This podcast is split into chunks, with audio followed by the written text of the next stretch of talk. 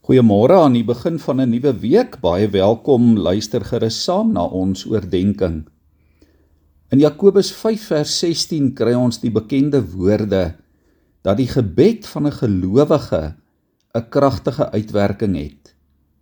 Maar liewe vriende, nou moet ons ook hou onthou dat dit waar is, maar nie omdat gelowiges so goed bid nie, maar omdat die God tot wie ons bid so magtig is.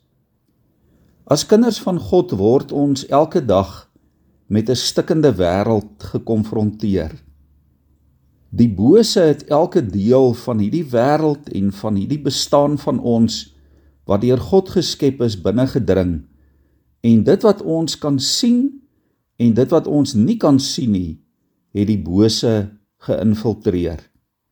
Die goeie nuus is dat die bose reeds verslaan is. En daarom as ons in gebed volhard, sê die woord, sal die Heilige Gees ons uiteindelik as God se kinders laat oorwin. Die genesing van 'n stikkende wêreld was die kern van Jesus se bediening hier op aarde. Dit was hoekom hy mens geword het. In sy lewe op aarde het God vir Jesus met die Heilige Gees gesalf en met krag toegerus.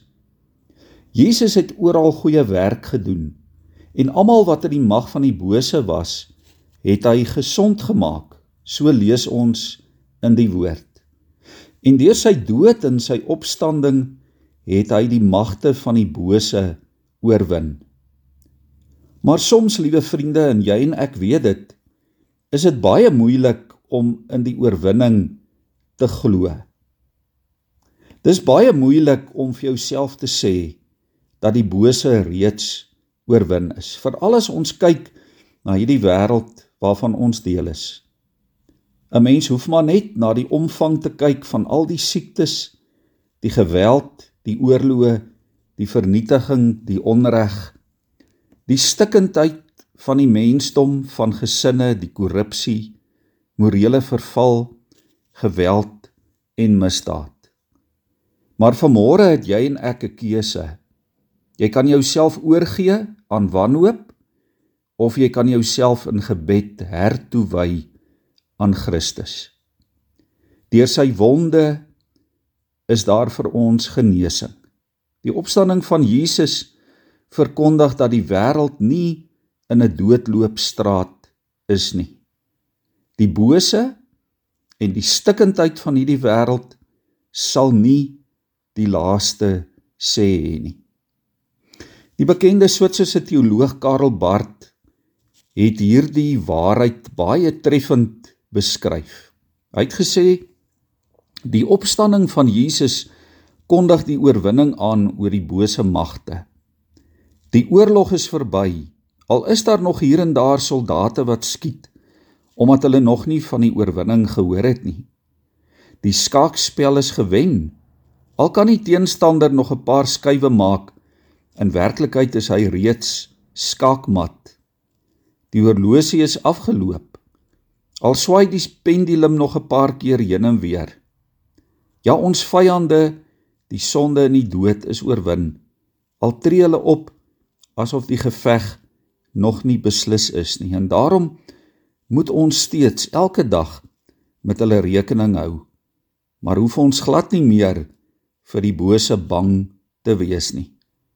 En hierin, liewe vriende, lê die hoop vir ons stikkende wêreld vandag.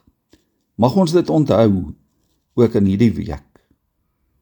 Jakobus 5 vers 13 tot 20 bevestig hierdie waarheid aan ons dat die gebed van 'n gelowige 'n kragtige uitwerking het.